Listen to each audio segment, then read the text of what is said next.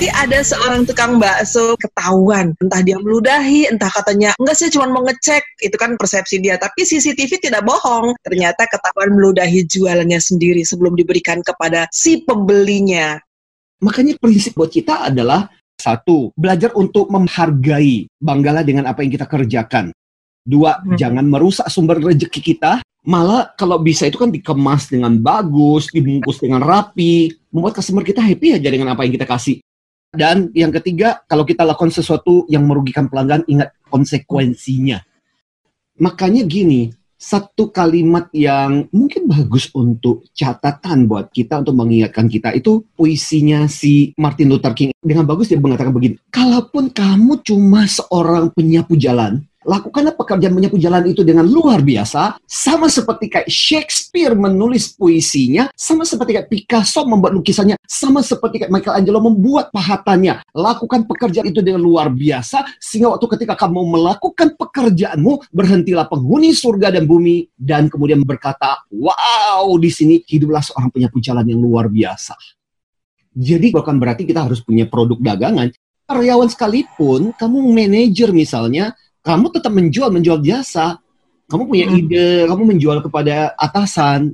Sebenarnya kita bisa melihat berbagai sikap kita yang tanpa sadar tanda petik hmm. meludahi jualan kita.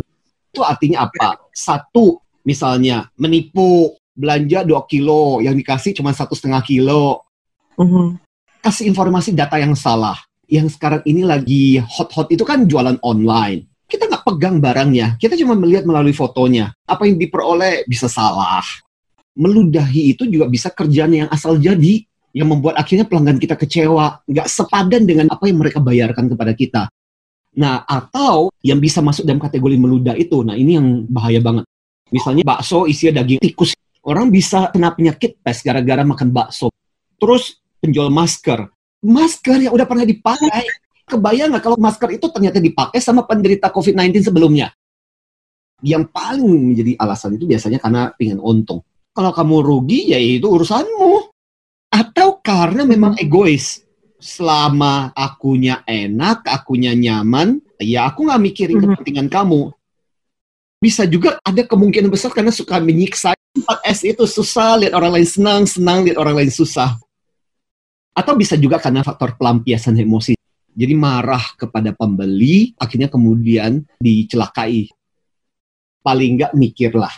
Ini kan sebenarnya untuk jangka panjang. Orang kan kemudian kapok. Jadi apa unsur-unsur yang dilanggar kaitannya dengan EQ? Ya pertama-tama unsur empatinya. Berarti bagaimana kita mencoba untuk memposisikan diri kita di posisi orang itu. Mau nggak sih kamu digituin? Makanya kamu jangan lakuin itu dong kepada dia. Kedua adalah menavigasi emosi ketika kamu marah, jangan mencelakakan atau membahayakan siapa pun orang-orang di sekitar kamu.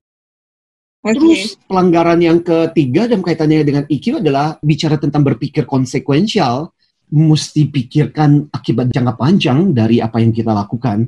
Nanti dampaknya bakal seperti apa sih? Nah, dan terakhir adalah noble goal. Noble goal itu kan tujuan mulia. Apa sih tujuan mulia kamu jualan? Namanya kerjaan itu amanah, yang namanya kerjaan itu ibadah. Kita bicara mengenai tips, bagaimana kita berpikir untuk long term. Kata bisnis, B I S N I S bisnis. Pertama-tama adalah banggalah dengan jualan kamu. Seandainya nih ya, kamu mau nggak membeli daganganmu sendiri? Kalau kamu sendiri sampai mengatakan enggak deh, ini kan jualannya buat orang lain. Berarti something wrong dengan jualan kamu. Ya kamu ya. sendiri kan bangga dengan apa yang kamu jual. Gimana kamu berharap orang lain betul-betul membeli dari dirimu? Dan bisnisnya kan I tadi kan ingat jangka panjang, bukan cuma jangka pendek, bukan cuma short term. Selalu bisnis itu adalah long term. Bahkan kadang-kadang ada beberapa situasi di mana udah deh ngalah aja, kasih service yang baik, tapi untuk jangka panjang kemudian kita bisa menjaga dan memelihara hubungan itu. Kemudian S, semarah-marahnya kamu jangan sampai merugikan orang lain lah still they are your customer. Mereka hmm. orang-orang hmm. yang memberi kehidupan kepada kita, ya udahlah, nggak perlu sampai kita melakukan hal-hal yang kemudian akhirnya bisa mencelakai dan merugikan mereka. Kemudian N kan dari bisnis kita. N itu nikmati, belajar untuk bisa menikmati saat ketika customer kita itu puas, Mungkin mereka nggak beli dari kita, tapi mereka menjadi lebih baik, pengambilan keputusan mereka menjadi lebih baik. Yang kedua, ingat, karma akan terjadi pada diri kita.